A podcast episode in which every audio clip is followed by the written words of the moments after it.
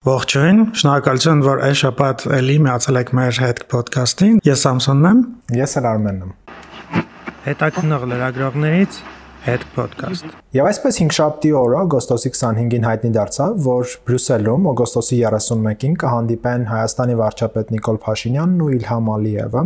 Դա Հայաստանի Հանրապետության կառավարությունից այս տեղեկությունը հաստատվեց հաստատեցին Armen Press-ին եւ հետաքրքրական է, որ Բրյուսելյան հանդիպումից 1 օր առաջ օգոստոսի 30-ին Մոսկվայում հանդիպելու են Հայաստանի եւ Ադրբեջանի սահմանազատման ու սահմանային անվտանգության հարցերով հանձնաժողովները, որոնք ղեկավարում են երկու երկրների փոխվարչապետները հայկական կողմից Մհեր Գրիգորյանը, իսկ ադրբեջանական կողմից Շահին Մուստաֆաևը։ Հիշեցնենք, որ հուլիսի վերջին ազգային ժողովի արտաքին հարաբերությունների մշտական հանձնաժողովի նախագահ Էդուարդ Տաղաջանյանը հայտարարել էր, որ Երևանն ու Բաքուն բանակցում են Հայաստանի եւ Ադրբեջանի ղեկավարների հանդիպման կազմակերպման շուրջ։ Իր հերթին նաեւ Եվրոպական հանձնաժողովի նախագահ Շարլ Միշելն էր մի քանի օր առաջ հայտարարել, որ առաջիկայում Բրյուսելյան նույն ֆորմատով կհանդիպեն Փաշինյանն ու Ալիևը։ Իհարկե կողմերը դեռևս մանրամասներ չեն ներկայացնում, թե քննարկման օրակարգում հատկապես որ հարցերն են շրջանառում, սակայն դեռևս մի քանի օր առաջ շշուկներ տարածվեցին, որ առաջիկայում նախատեսվում է Փաշինյան-Ալիև հանդիպում, որոշ վերլուծաբաններ գրեցին, որ այդ օրը պաշտոնապես կողմերը կհայտարարեն այսպես կոչված Զանգեզուրի միջանցքի գործարկման մասին, որով Ադրբեջանը կկապվի Նախիջևանի հետ առանց որևէ սահմանափակման, այսինքն ճանապարհին եւ մաքսակետերում եւ ճանապարհին հայկական որևէ գերատեսչություն չի կարողանա կանգնեցնել ադրբեջանական ավտոմեքենաները եւ նրանք առանց ինչ որ խոչընդոտների կկարողանան անցնել Ադրբեջան, այնտեղից էլ բնականաբար ենթադրվում է Թուրքիան եւ հենց շատ վերլուծաբաններ նշում են, որ օգոստոսի 31-ի հանդիպումից հետո Հայաստանն ու Ադրբեջանը կհայտարարեն այս մասին։ Եվ հիշեցնենք նաեւ մեր ունկնդիներին, որ մի քանի օր առաջ Հայաստանի ազգային անվտանգությունը հայանդես էր երկել կառավարության որոշման նախագծով, որտեղ առաջարկվում էր 3 անցակետեր բացել, մեկը Սոտքի հատվածում, դա Վարդենիցի հատվածն է, մյուսը Սյունիքում, դա Խարահունջի հատվածն է եւ երրորդը արդեն Նախիջևանի Երասխի հատվածում, որ Սադարակ ադրբեջանական Սադարակ գյուղի մոտ։ Դեռևս այս մասով որևէ հայտարարություն չկա, որևէ նաեւ ադրբեջանական կողմից։ Սպասենք իրադարձությունների զարգացմանը հաջորդ արդեն մեր թողարկման ժամանակ մենք ձեզ կպատմենք Փաշինյան-Ալիև հանդիպման արդյունքների մասին։ Նաև ես նոր մի բան հիշեցի, որ որոշ ԶԼՄ-ներ անցած շաբաթվա ընթացքում երբ որ լուրը հայտնի դարձավ, որ երեք անցակետ են բացելու եւ Ադրբեջանից կարողանալու են մեքենաները անցնել Հայաստան տարածքով, որ ԶԼՄ-ներ գրեցին միանգամից, որ երբ որ Ադրբեջանից մեքենաներ գան Հայաստան, այդ ճանապարհները պիտի փակվեն, այսինքն հայերը չեն կարողանա օգտագործել, այսպիսի բաներ են գրում, որը որ ԱԱՑ-ն հերքեց, բնականաբար ասել է, որ նման բան չի կարող տեղ ունենալ, իրականում տրամաբանական էլ չի լինի, ասենք պատկերացնում եք ինչ որ Ադրբեջանից մեքենա գա ու դրա պատճառով Հայաստանի միջպետական ճանապարհ։ Միջմարզային ճանապարհ։ Միջմարզային ճանապարհները փակեն, դա իհարկե աբսուրդ է։ Այո, օրինակ չգիտեմ, Երասխով գնում է Հայաստանը Սյունիքին Վայոց ձորին կապող միակ ճանապարհը եւ եթե օրինակ ինչ-որ մի ադրբեջանական մեքենա անցնի, մի ամբողջ մարզի հետ կապի կորցնելը դա իհարկե աբսուրդի ժանրից է։ Ամսի 24-ին Ազատության հրապարակում օպերայում տասնյակ մարդիկ, հիմնականում ռուսաստանցիներ, հակապատերազմական ակցիա են անում, որը իրական պատահական չէր ընտրված, որովհետև օգոստոսի 24-ին դրացավ Ուկրաինայում Ռուսաստանի սանձազերծած պատերազմի 6 ամիսը, իրականում sense մտածում եմ 6 ամիս անցել, տեսակ ուղղակի մեզ չի տեղավորվում, որ արդեն 6 ամիս Ուկրաինայում պատերազմա, չգիտեմ։ Կարծես երեք լիներ Պուտինի հայտնի ուղերձը, երբ որ ինքը խորհրդային միության մի ամբողջ դաս էր տալիս եւ Ուկրաինան Ուկրաինան անվանում էր Ուկրաինա Վլադիմիր Վլադիմիրի Լենինի անվան։ Այո։ Հուսավեմ շատ երկար չի շարունակվի, որովհետեւ սենց արդեն անհնար է։ Այն դեպքում խոսենք ակցիայից, ինչ ենք մենք թարապես անդարում սրան, որովհետեւ ակցիայի առաջին իսկ րոպեներից Բերման ենթարկվեցին ակցիայի կազմակերպիչները, հետո արդեն շարքային մասնակիցները ոստիկանները ասում են, որ մասնակիցները ազգամիչյան թշնամանք են հրահրում, այնտեղ մարդիկ կային, ովքեր որ բերել էին պաստառներ, որոնց վրա գրված էր Polgoda Pizumia, ու այդ զտարը ռուսական զտարներ գրված, ու ոստիկաններից մեկը այս պաստառը գնահատեց որպես ազգամիչյան թշնամանք հրահրող, ինչը մի քիչ абսուրդի ժանրից է իրականում։ Նաև Բերման են ենթարկում ոչ միայն մասնակիցները, այլև լրագրողները, օրինակ բերման ենթարկվեց նաև ռուսաստանցի բլոգեր Ալեքսեյ Ռոմանովը։ Նշենք նաև, որ քաղաքապետարանը արտոնել էր հարահավաքը եւ երթը,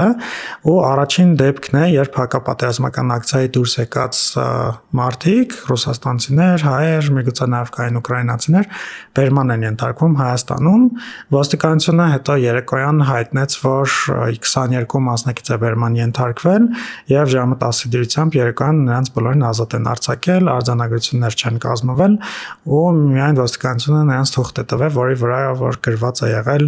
պատճառը բերման ենթարկելու, որն էլ ոստիկանության ծառայողի օրինական պահանջը չկատարելն էր։ Սրանց հետո սոցիալական ցանցերում շատ մեծ քննարկում սկսվեց, բնականաբար շատերը նշում են, որ Հայաստանին որպես այսպես ասած ժողովրդավարական երկիր վայել պահվածք չէ, նաև շատերն էլ ակնարկում են Ռուսաստանի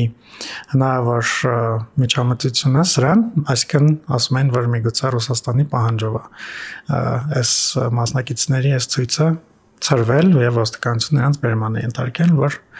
չգիտեմ, տրամբանական է թվում, որ հանկարծ տենց ոչ ոք չփորձի խլվլալ Ռուսաստանն չնեղանալ։ Իդեպ Samsung ես մի այլ հետաքրքիր բաներ եմ նկատել օգոստոսի 24-ին ոչ միայն պատերազմի 6-րդ ամիսն էր հրահրարված պատերազմի, այլ նաև Ուկրաինայի անկախության օրն էր եւ ընդհանրապես սովորություն կա պետությունների մեջ ընդունված է, որ մեկը մյուսին շնորհավորում են մեկ այլ երկրի համար պաշտոնական օրեր հանդիսացող օրերի կապակցությամբ։ Եվ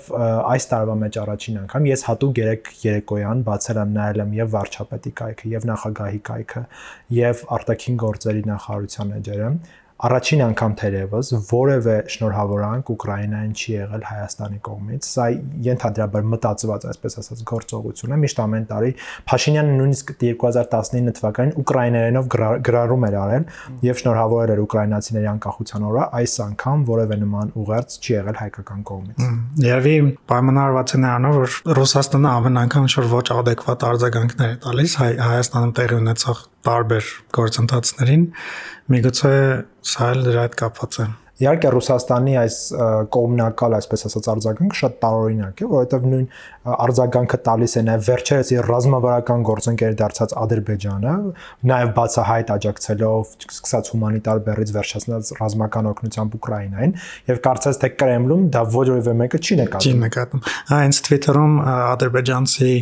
օկտատերից մեկը ինչ որ բան է գրել, ադրբեջանցի օկտատերից մեկը գրել էր, որ Ադրբեջանում տարբեր մեդիաներում ահա որ ուժեղ հակառուսական ռուսական ռոպագանդա է գնում ու Կրեմլը դա չի նկատում։ Սա այն բանի մասով էր գրել, որ Ռուսաստանի ես վերջին արձագանքը, որ հայ ԶԼՄ-ներում, հայկական ԶԼՄ-ներում ռուսաֆոբ բաներ են տարածում կապված Սոմալոյի հետ, դրան պատասխանել էր ասելով, որ իրական Ադրբեջանում լիքը գրում են ու Կրեմլը դա չի տեսնում։ Մի փոքրիկ, այսպես ասած, պատահար դրա հետ կապված եղավ, երևի կհիշես, որ Հակին Ազը ներառվեց Ռոսկոմնadzորի սև ցուցակում, բայց շատ արագ այդ խնդիրը լուծեցին եւ փորձեցին, այսպես ասած, սղացնել, որպեսզի Ռուսաստան-Ադրբեջան ռազմավարական հարաբերությունները որևէ բիծ չլինի։ Եվ այսպես այս շաբաթը նաև շատ թեժ էր մեկ այլ նախագծի քննարկման տեսանկյունից Պաշտպանության նախարարությունը ժամկետապարտադի ժամկետային զինծառայողներին 24 միլիոն դրամի դիմաց առաջարկում է ազատվել զինծառայությունից։ Հենց այս նախագիծը արդեն իսկ դրված է շրջանառության մեջ, ես մեջբերում եմ նախագծից, առաջարկում է շարքային կազմի պարտադիր զինվորական ծառայության որոշակի ժամկետը զինծառայողի պատրաստության ուսումնական փուլը լրանալու դեպքում, իսկ դա ուսումնական փուլ ասելով ի նկատի ունեն առաջիկա առաջ առաջին 4-ից մինչև 6 ամիսները, երբ որ նոր նորակոչի կգնալով բանակ շատ ծանր այսպես ասած ուսումնական փուլ է անցնում, մինչև հարմարվում է արդեն բուն զինծառայության։ Ովքեր ծառայել են, հաստատ գիտեն, որ դա այսպես կոչված կարանտինի այդ կարանտին կոչվող ժամանակահատվածն է։ Եվ պետական բյուջե 24 միլիոն դրամ վճարելու պայմանով զինծառայողին պարտադիր զինվորական ծառայությունից վաղաժեմ կետ արձակվելու հնարավորություն է տրվում։ Ըստ հիմնավորման սա որոշակի առումով կթեթևացնի այսպես ասած նախ կնպաստի պետբյուջեի հոսքերի այսպես ասած ավելացումը եւ կնպաստի պրոֆեսիոնալ պայմանագրային բանակի զարգացման գործընթացին։ Բանան այսպես է մեկնաբանում։ Ես գումար վերցնելով որոշ ժամկետային զինծառայողներից, ովքեր ունեն դրա հնարավորությունը եւ կարող են վճարել, այդ գումարն ուղում եմ պայմանագրային հիմունքներով ծառայող զինծառայողներին, ովքեր կարող են պրոֆեսիոնալ կրթություն զինվորական ստանալով դառնալ պրոֆեսիոնալ զինծառայողներ եւ համալրել բանակի շարքերը Իհարկե այս նախագիծը նոր է դրվել քննարկման մեջ, բայց արդեն իսկ ինքը շատ մեծ արձագանք է արժանացել, հատկապես արձագանքը եղել է խորհրդանական մյուս խմբակ, ընդդիմադիր խմբակցությունների մակարդակով, անգամ падգամավոր Գեգամ Մանուկյանը այսպես է բնորոշել, ըստ իրեն գործող իշխանությունները ՀՀ ազգային բանակը փորձում են վերածել բանվորագյուղացիական բանակի։ Ինձ համար սա մի քիչ անընդունելի ձևակերպում է, ինչքան էլ ընդդիմադիրները միշտ աչքի են ընկնում իրենց այսպես ասած ձևակերպումներով, ինչ որ մագդիժներով, բայց ամեն դեպքում պետք չի նման որակումներ տալ։ Խոսքը այստեղ ոչ թե բանակին ինչ որ որակում տալու մասին, այլ ընդհանրապես մարդկանց նման բանվորագյուղացիական շեշտադրում դնելու հանգամանքի վրա է։ Իհարկե դեռևս շատ պետք է քննարկվի գաղափարը վատը չէ, բայց դրա իրագործման ուղիները պետք է նախ հստակեցվեն, որովհետև սա բավականին մեծ կոռուպցիոն ռիսկեր կարող է ունենալ եւ պետք է քայլեր ձեռնարկվեն դրանք հնարավորինս մեղմելու եւ առավել եւս դրանք վերացնելու նպատակով տեսնենք ինչ կլինի։ Ես Twitter-ում գրել էի, մարդկանց հարցրել էի, ինչ է կարծում այս օրնագծի մասին, լավ գաղափարը, վատ գաղափարը։ Տարբեր կարծիքներ կան, շատ իրարից տարբերվող կարծիքներ կային, շատերը նշում են, որ իրականում սա ոնց որ կոռուպցիան օրինականացնելու ձև լինի, այն առումով, որ եթե նախկինում ես գումար այն տալիս, որ բանակից ազատվեն, այդտեղ տարբեր փուլերում, իրենք կբա այդ գումարը ազատվելու, ասում են, որ մի քանի անգամ ավելի ցածր, քան այո, քան այս, այո, 60000 դոլար է գալիս մոտավորապես։ Շատերը դա են նշում, նաև շատ հիմնավորված ես համամիտ եմ դրա հետ, որ մի տեսակ ոնց որ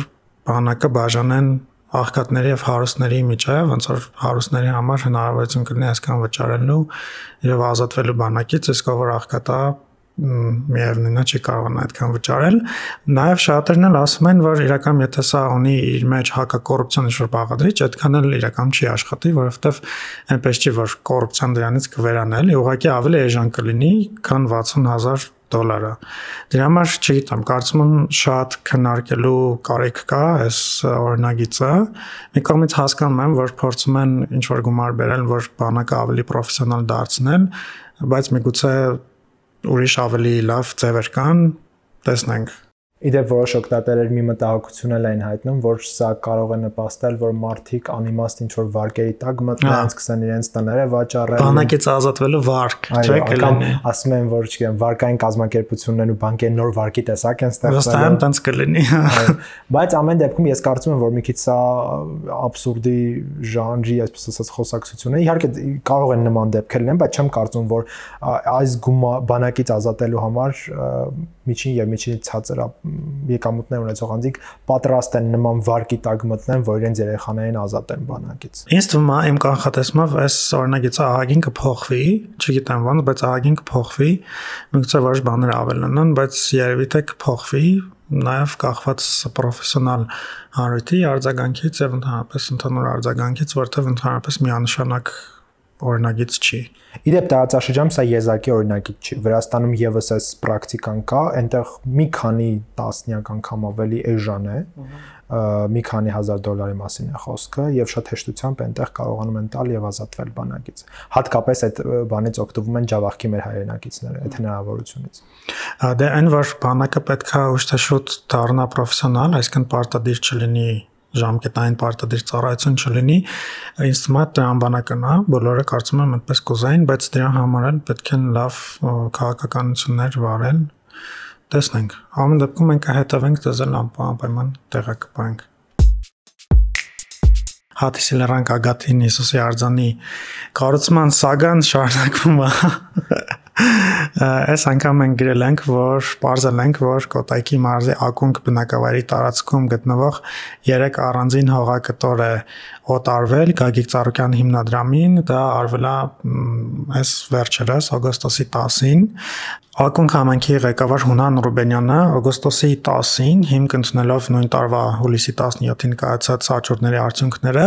որոշել է Գագիկ Ծառուկյան հիմնադրամին օտարել ընդհանուր 7 հեկտար գյուղատնտեսական նշանակության հողակտոր։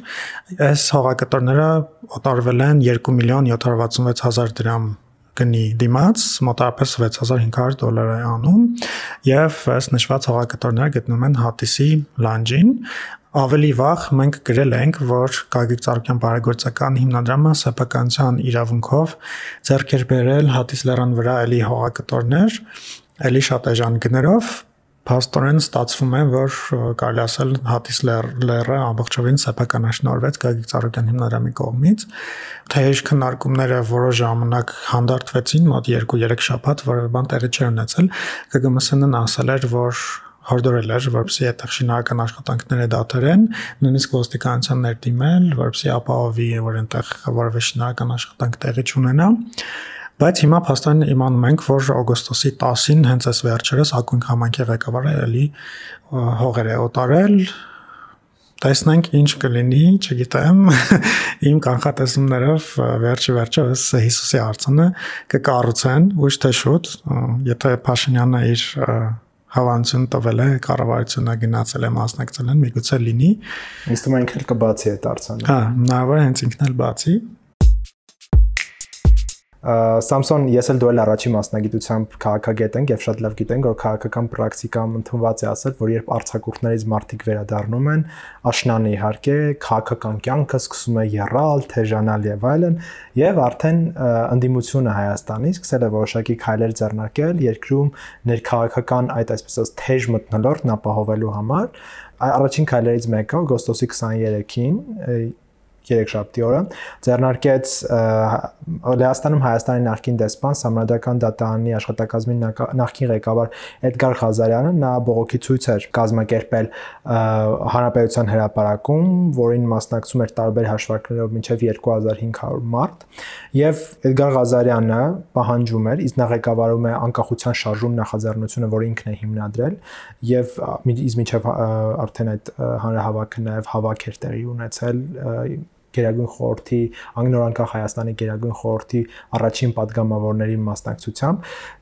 եւ նա իր հա, այսպես ասած հանրահավաքի ժամանակ ցանկանում էր հանդիպել կառավարության շենքում Նիկոլ Փաշինյանի հետ եւ նրան ներկայացնել հրաժարականի պահանջի հիմնավորումն է, թե ինչու Փաշինյանը պետք է հրաժարական տա։ Փաշինյանն էլ սենց աճիկով է եկավ ու լսե։ Այո, իդե ինչպես ակնկալվում էր Փաշինյանը բնականաբար չէր ներկայանա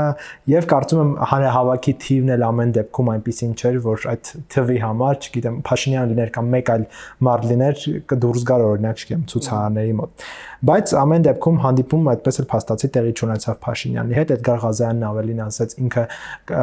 տեղեկություններ ունի, որ Փաշինյանը աշխատանքային ժամին գտնվում է Սևանի կառավարական ամառանոցում եւ կառավարության շենքում չի գտնվում բայց նաև միջև այդ ինքը հայտարարել էր, որ ինքը հանդիպել է Ռոբերտ Քոչյանի եւ Սերժ Սարգսյանի հետ եւ ներկայացրել է իրենց նախաձեռնությունը, բայց չի կարողացել հանդիպել Լևոն Տեր-Պետրոսյանի հետ եւ շատ ցավում է ինքը դրա համար եւ խոստանում է Էդգար Ղազարյանը, որ իր նախաձեռնությունը շատ մեծ տեմպերի է, այսպես ասած հասնելու, շատ մեծ տեմպեր է հավաքելու առաջիկա թեժ ամառային աշնանային ներողություն ամիսների ընթացքում եւ Հայաստանում ներքաղաքական կյանքը բավականին բուրն է լինելու։ Իհարկե հաշվի առնելով նախորդ օրերի նախորդ նախորդ ամիսների ավելի շուտ փորձը սկսած դեռևս 2020 թվականի նոյեմբերի 9-ից հետո իհարկե ներքաղաքական կյանքը որոշակիորեն լարվում էր, բայց դա ամեն դեպքում հանրային տրամադրությունների վրա մեծ ազդեցություն այդպես էլ չէր ունենում։ Իհարկե ցույցեր լինում էին, մարդկանց որոշակի քանակ հավաքվում էր, բայց որևէ գործողություն դրանից հետո, որը կարող է շրջադարձային ինչ-որ բան փոխել, այդպես էլ տեղի չէր ունենում։ Տեսնենք առաջիկայում ինչ կլինի, մենք կհետևենք։ Իմջալից Էդգար Ղազարյանը, որ ասում էր, որ Փաշինյանը գտնում է Սևանի ամառանոցում, ակնարկում էր, որ Փաշինյանը գնացել է խմելու, որովհետև ընդդիմության մեջ եւ ոչ միայն ընդդիմության շատ եմ նկատել տարածված կարծիք կա, որ Փաշինյանը շատ է խմում, ասպես ասած, հարբեցողությամբ է զբաղվում, նույնիսկ աշխատանքային ժամերին։ Իհարկե, սա որևէ կերպ չեն կարող հաստատել կամ հերկել եւ կառավարությունից որևէ մեկնաբանություն չկա, բայց երբ որ ասում էր Սևանում գտնվում բահ հենց իրականում այդ նկատի ուներ, որ տեսեք մենք ստեղ բան ենք անում, մեր երկրի մասն ենք մտածում, այս դեր ղեկավարը գնացել է հարբեցողությամբ զբաղվելու։ Միգուցե Փաշինյանն այդ ժամանակ Սևանում էր, իսկ թե ինչ էին անում ընդդիմության մյուս ղեկավարները, բոլորի համար հարցը։ Անցնենք միջազգային լուրերին եւ սկսենք ամբողջ համացանցը պայթեցրած լուրից իրականում այս պայթեցրած որ ասեցի ուղիղ իմաստով պայթեցրած իմաստով ever pun not intended բայց այդպես աղավ ու Մոսկվայում պայթեցրել են Ալեքսանդր Դուգինի դստեր մեքենան որը զոհվել է տեղում եւ չի բացառում, որ թիրախը եղել է հենց Ալեքսանդր Դուգինը։ Ականատեսների պնդումով մեքենամ հենց Դուգինը պիտի լիներ, բայց վերջի պահին ինչ որ որոշել է որ մեքենան պիտի փոխի ու ուրիշ մեքենա է նստել եւ Ռուսաստանի քնչական կոմիտեն Կիրակի օրը հայտարարեց միանգամից որ Դարիա Դուգինայի սպանությունը պատվիրված էր եւ նախապես պլանավորած եւ Պարզել են, որ մեքենայի տակը հենց վարորդի ներքևը, ներքևի մասում է կպցված եղել պայթուցիկ սարքը, որը պայթել է, երբ շարժիչը միացրել են։ Ռուսական FSB-ն մի քանի օր անց հայտարարեց, որ ողջել են թե ով է կանգնած Դարյատուգինայի սպանության հետևում եւ ռուսական FSB-ն հայտարարեց, որ դա իրականացրել է ուկրաինական հատուկ ծառայությունները։ Կատարողը եղել է Նատալիա Վով կանոնով ուկրաինացի քաղաքացին, որը 1979 թվականին է ծնվել, եւ հայտնում են նաեւ, որ Նատալիա Վովկա 12 տարեկան իր դստեր հետ եկել են Ռուսաստան հուլիսի 23-ին եւ Դարիա Դուգինայի տան հարևանությամբ թե նույն տանը տուն են վարձել եւ ինֆորմացիա են հավաքել Դարիա Դուգինայի մասին եւ այդպես իրականացրել են այս պայթյունը նրանց համար ովքեր որ չգիտեն նշենք որ Ալեքսանդր Դուգինը հայտնի փիլիսոփա եւ պապանողական հրապարակախոս է նա այսպես ասած ռուսկի միր, ռուսական աշխարհի գաղափարախոսության ամենակարկառուն ներկայացուցիչներից մեկն է։ Այդ գաղափարախոսությունը նաև կոչվում է նեո-եվրազիստվը, նոր եվրասիականություն, որը որ հարևանների նկատմամբ Ռուսաստանի գերակայության, ԱՄՆ-ի եւ ՆԱՏՕ-ի հետ արճակատման եւ եվրասիական մայրցամաքի տարածքում ռուսական ազդեցության տարածման հայեցակարգն է առաջ տանում։ Դուգինը տարիներ շարունակ Մոսկվային հորդորել է ավելի ագրեսիվ կերպով ինքնահաստատվել համաշխարհային ասպարեզում։ Նաև ասենք, որ արևմտյան լրատվամիջոցները Դուգինին անվանում են ժամանակակից Ռուսաստանի գլխավոր գաղափարախոսներից մեկը, որին որ լուսում է Վլադիմիր Պուտինը եւ սիլավիկները, այսպես ասած, եւ բազմաթիվ պաշտոնյաներ Կրեմլը 2014 թվականին Դուգինը աչքի ընկավ իր շատ այսպես վառ արտահայտված հակաուկրաինական հայտարարություններով, երբ որ Օդեսայում մայիսի 2-ին բախվեցին այդ պրոմայդանական եւ հակամայդանական խմբերը եւ մի քանի հոգի այս բախումների արդյունքում զոհվեցին, նա իր երևի ամենահայտնի կոչը արեց, որը հնչում էր убивать, убивать и убивать, սպանել, սպանել եւ սպանել, ու նա վճռականորեն աջակցել է Ուկրաինայի վրա Ռուսաստանի հարձակմանը եւ վերջին գրառման մեջ պահանջել է, որ ռուսական էլիտաները բացահայտորեն որոշեն Ուկրաինայի հարցը, այս սպանությունից գրեթե մի անգամից հետո Դուգինը հայտարարեց, որ սրա հետևում ուկրաինական հատուկ ծառայություններն են կանգնած եւ սա կարծես թե շատ ավելի շատ սրեց իրավիճակը Ռուսաստանի եւ Ուկրաինայի հարաբերություններին, չնայած այլ ուր այլ ավելի անհնար է պատկերացնել, բայց ամեն դեպքում դրանց հետո դաշտում, մարտական դաշտում որոշ գործողություններ եղան, որոնք որ հանգեցրեցին ավելի շատ զոհերի։ Շարունակելով այս Ուկրաինայի հետ կապված թեման, գերմանական Die Welt բարբերականը նոր մանրամասներ հրապարակել մինչև Ուկրաինա-Ռուսաստանի ներխուժումը Գերմանիայի կանցլեր Օլաֆ Շորցի եւ Ռուսաստանի նախագահ Վլադիմիր Պուտինի շփումների մասին, մասնավորապես գերմանական լրատվամիջոցը հայտարարել է, որ մինչև ուկրաինական այսպես պատերազմի մեկնարկը Օլաֆ Շոլցը Պուտինին վստահեցրել է, որ առաջիկա տասնամյակների ընթացքում Ուկրաինան չի անդամակցի ՆԱՏՕ-ին։ Ընդհանրապես Ռուսաստանում, այսպես ասած, եւ